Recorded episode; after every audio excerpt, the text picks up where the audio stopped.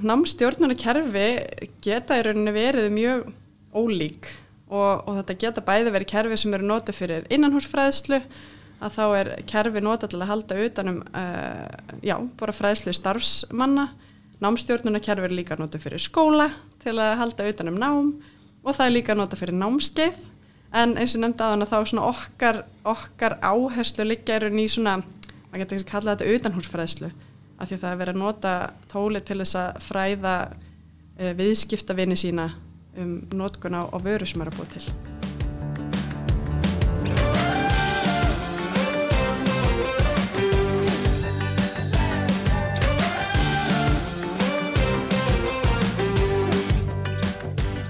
Komið í sæl, ég heiti Fjóla Högstóttir og verið velkomin í hlaðvarp Íðuna fræðslusetturs augnabliki einaði. Með mér í dag er Sigurður Fjallar Jónsson kennari og markastjóri Íðunar. Við höfum fengið til okkar hana aðalheiði Hreinstóttur, framkvæmdastjóra Lörnkóf. Við ætlum að ræða nýtt námsumhverfi á netinu, hvernig það virkar og hvort og þá hvernig það er fram, frábriðið þeim kerfum sem nú eru til staðar. Verður velkomin til okkar aðleiður. Takk kærlega fyrir og bara takk fyrir að, að leiða mér að segja frá okkar sögu.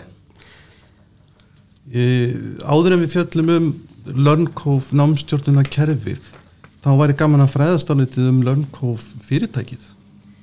Já, það er bara gaman að segja frá því en við sem sagt hófum okkar vegferð árið 2016 og, og þetta hófst allt í rauninni með svona styrk hjá Rannís þegar við vorum í háskóla og síðan þá hefur nú margt breyst að því að upphafi það var þetta í rauninni hugsað sem hugbúnar fyrir uh, grunnskóla og kennslustofuna. En svo hefur þetta svona þróast gegnum árin og, og í dag eru við með mjög fjölbreyttan hóp af notendum, þetta eru bæði þessast grunnskólar og svo eru sjúkarþjálfarar sem eru bjóð upp einhvers konar þjálfun. En, en svona í heilsinni er varan okkar sem sagt hugbúnaður sem að maður getur nota til þess að setja upp ymsa fræðslu og svona fókushópurinn okkar í dag er í rauninni fyrirtæki sem eru á bjóð upp á þjálfun í tengslum við vörur sem það hafa þróað. Þannig að nýta hugbúna alltaf að þjálfa uh, sína viðskiptavinni Nú, þetta Lörnkóf, þetta er, þetta er ennsnafn, eða þess að amrýst, þetta, þetta er íslensk kerfi. Já, jú, það passar. Og þegar við fórum að staði upphafi að þá hérna uh, já, þetta hefur svolítið farið fram og tilbaka þetta nafn, á einhverjum tímpunkti þá hétt þetta kaftetnin, að þá vorum við svolítið að hugsa um íslenska markaðin og, og gott íslenskt orð, að því að þá væri maður svolítið svona kaftetnin í sínu námi. En uh, svo vorum við 2017, þá vorum við valin í svona viðskiptarhæðal í Finnlandi. Þannig fluttum þangað nokkra mánuði. Og það var svona teim, teimi sem var að hjálpa okkur í bara svona að taka næstu skref í okkar vexti og þá var hluti að því að, að koma fyrirtökin í svona uh, alþjóðlegan, þetta væri alþjóðlegt orð sem við verum að nota. Og, og þá svona þróast þetta í lörnkofi raun út frá því að lörn var að því að, að það var svolítið svona hjarta í vörni lærdómarinn. Og, og svo kóf var eitthvað sem við sáum fyrir okkur svona vík, það svona fallegt fallegt orð, þannig að það var svona lendingin. Hérna uh, dálítið forvitin aðlur námstjórnuna kerfi uh, hvað er það í raunni og, og fyrir hverja, hver er að nota þetta? Já, það er bara mjög góð spurning. Uh, námstjórnuna kerfi geta í rauninni verið mjög ólík og, og þetta geta bæði verið kerfi sem eru notið fyrir innanhúsfræðslu að þá er kerfi nota til að halda utanum uh, já, bara fræðslu starfsmanna. Námstjórnuna kerfi er líka nota fyrir skóla til að halda utanum nám og það er líka nota fyrir námskeið en eins og nefndi að hana þá svona okkar, okkar áherslu liggja eru ný svona, maður getur ekki að kalla þetta utanhúsfræðslu. Af því að það er verið að nota tóli til þess að fræða uh, viðskiptavinni sína um notkun á, á vöru sem er að búa til. Þetta, já eins og hefur komið fram hérna, þetta var hugsað fyrir grunnskólan mm -hmm. eh, en hefur breyst og núna er þetta kerfi sem nýtist á bara í fræðslustarfi fyrirtækja við hérna hjá yðinni erum daldið að horfa á þetta eða horfa á, á, á þetta frá þeirri hlið. Mm -hmm. getur þú svona sagt okkur aðeins nánar hvernig þetta nýtist þá í, í fræðslustarfi fyrirtækja? Þú hefur talað, talað um þess að ytri fræðslu. Akkurat. Já, þetta er þá í rauninni sko, hérna, svona kannski helst fyrirtæki sem eru með uh, einhvers konar vörur. Ef við sjáum fyrir okkur til dæmis bara hérna, framleiðslu fyrirtæki sem eru búa til eitthvað tæki fyrir matvæleiðinaðin að, að þá þegar að vera að selja þetta tæki að þá þarf að innlega tækið inn hjá viðskiptavininum og, og viðskiptavininum þarf að geta synd þessu tæki og, og því fylgir sem sagt fræðsla. Og í dag er þetta oft gert svolítið í manjólum manjólar halda utanum ymsa ferðla en svo er mikið af þessu líka gert svolítið sem staðkensla að það er verið að fljúa ef þetta er erlendis að það verið að fljúa á staðin og, og framkvæma þessa fræðslu en, en það er svona kannski ymsi vinkla sem að má bæta þar af því að ef að þessi viðskiptavinnur ræður sér inn í en starfsmann til dæmis að þá getur verið svolítið flóki að koma þeim einstaklingi inn í hvernig ánóta þessu vöru þannig þess vegna eru svona ímstækifæri sem opnast með því að, að flytja þetta yfir í svona námstjórnara kerfi sem, sem heldur betur utan ferlana Og þarna getur frænslan verið hvað? Tekstar, vídeo? Og... Já, það getur einmitt verið bara svolítið fjölbreytt það, það, við stiðjum í rauninu bara alveg einmitt myndbönd og pdf-skjöl og, og hérna, powerpoint og, og í rauninni svolítið hvað sem er og meira segir við líka að, með svona fylgjastöðlum til sig að tengt inn svona, hvað segir maður, third party tól þannig að ef maður er til og með einhvern hluta fræðslunni í síndarveruleika eða hvað sem það er að þá er hægt að tengja það inn þannig að það sé hluti af fræðslunni. Þannig að fyrirtæki gætu nýtt nýtt á efni sem þau eiga til fyrir. Það þarf ekki að búa til allt frá grunni það er að færa efni inn í þennan vettvang. Já, það passar, það er sérst hægt að nota efni sem er til og það geta annarkvært að bara verið einhverjir manjólar sem að halda utanum hérna, þessa fræðslu. En, en svo geta þetta líka einmitt ef að, ef að búið að búa til einhvers konar fræðslu eins og myndbönd eða, eða önnu skjöl. Þannig já, þá er það hægt að flytja það inn í kerfið nú eru, nú eru til fjölmörg svona námstjóðunar kerfi þó mm. nokkur sem eru í nótkunn hér á landi e, hversun ákvaði að þróa nýtt kerfi er þetta, er þetta ólíkt en kerfum sem eru á markaðinum í dag? Já, það hérna er bara mjög skemmtileg spurning að þegar við spólum tilbaka til 2016 að þau vorum fara að stað að það var upprunlega hugmyndir snýrist svolítið um það að, að það var svolítið nýjung að það væri hægt að nota alls svona upp í skólakerfinu þannig að vera að færa sig úr þessu svona hefbundna hérna, um, hefbundu kennsluháttum. Og á þeim tíma að þá var það svolítið svona nýjungagent að vera með tól sem myndi styðja svona ólíkar tegundir af uh, efni. En síðan hefur við náttúrulega gegnum árin hefur margt breyst og, og við erum farin að styðja svolítið breiðan hóp. Og kannski í dag myndi ég segja að þetta sérstæðan okkar liggur í því að hvers konar fræðsla þetta er sem við erum að styðja. Að þetta sé þessi utanhúsfræðsla og hérna og það sé svolítið að vera að færa þessa manjala úr því að vera á pappisformi yfir að vera eitthvað meira lifandi. Er, er hérna lönnkof svona almennt komið í nótkunn inn í fyrirtækjum? Já, við hérna höfum verið með bara síðan ég held að fyrsti viðskiptavinnun hafa komið inn 2017 ég held ég sem ekki að ljúa, frekar náttjón þannig að já já og í dag eru við alveg með hérna ágætashóp sem er að nýta sér hjúpunaðin Þannig að þetta er, þetta er í rauninni bara svona viðbútt við þá flóru sem að, að er til staðar, kannski með þá þessa sérstöðu sem að, að þú nafngrinir hérna. Já, í rauninni, að þetta sé svolítið þetta sjónurhótt, þjálfun á vörunum. Já, einmitt. Sko nú er yðan að þjónusta fyrirtæki yðinaði. Um, hvernig sérðu það fyrir þér að, að svona, hvernig getur þetta tæki nýst meðalstórum yfir fyrirtækjum til dæmis? Mm. Sko, við höfum séð það hjá okkar svona í, í okkar samskiptum að það eru oftast fyrirtæki sem eru kannski að horfa á einhvers konar vöxt hjá sér vilja geta náð til fleiri jafnvel út fyrir Ísland að þá nýtist hóli sérstaklega vel á þeim tímapunkti af því að það fylgir mikil vinna ef maður ætlar alltaf að vera á staðunum hjá viðskiptavinnum sínum að kenna þeim á hérna, tækina tólin. Þannig að já, ég myndi segja að það væri kannski það sjónahótt sem að væri svona uh, myndi nýtast best Þetta er alfarið á netinu eða ekki? Jú, passar. Og, og, og virkar þá bæði í, á bortölfum og símum? Og... Já, akkurat. Það er bara einmitt við stiðjum í rauninni allar, allar útfæslar af því.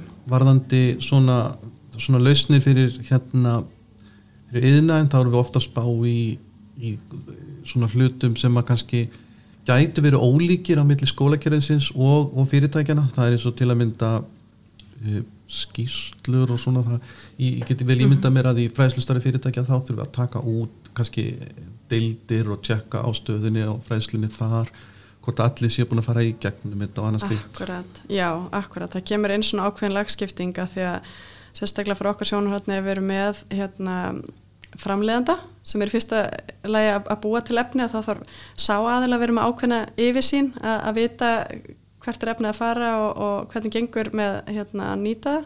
Og svo hvert fyrirtæki sem er þá að innleiða þessa vöru uh, þar þarf líka þarf að vera yfirsýn til þess að fylgjast með hvort að starfsmenn séu að fara í gegnum námsefnið og, og að það sé vera að þetta getur verið öryggistjálfun, þetta getur verið innlegging á hugbúna, þetta getur verið hérna e, ef það kemur upp einhver villa í þessu kerfi sem er verið að nota hvernig ábreðast við þannig að, já, þannig að það er mikilvægt að vera með góða yfirsýn yfir að hvort að starfsmenn séu búin að kynna sér e, svona þær leiðir sem verið að fara og hérna, já, þannig að það er alveg rétt það er svolítið munur þarna og í skólakerfinu Hvernig er svona uh, kostnaðan mótilið? Er að spá í fyrir fyrirtæki? Er þetta áskrift, kaupaðu kerfið eða hvernig, hvernig Já, virkar einmitt. það? Þetta er svona áskrift. Þá er þetta bara svona mánægilegt og fer eftir þá, fer eftir nótgunnin í rauninni, hver, hver kostnaðurinn er.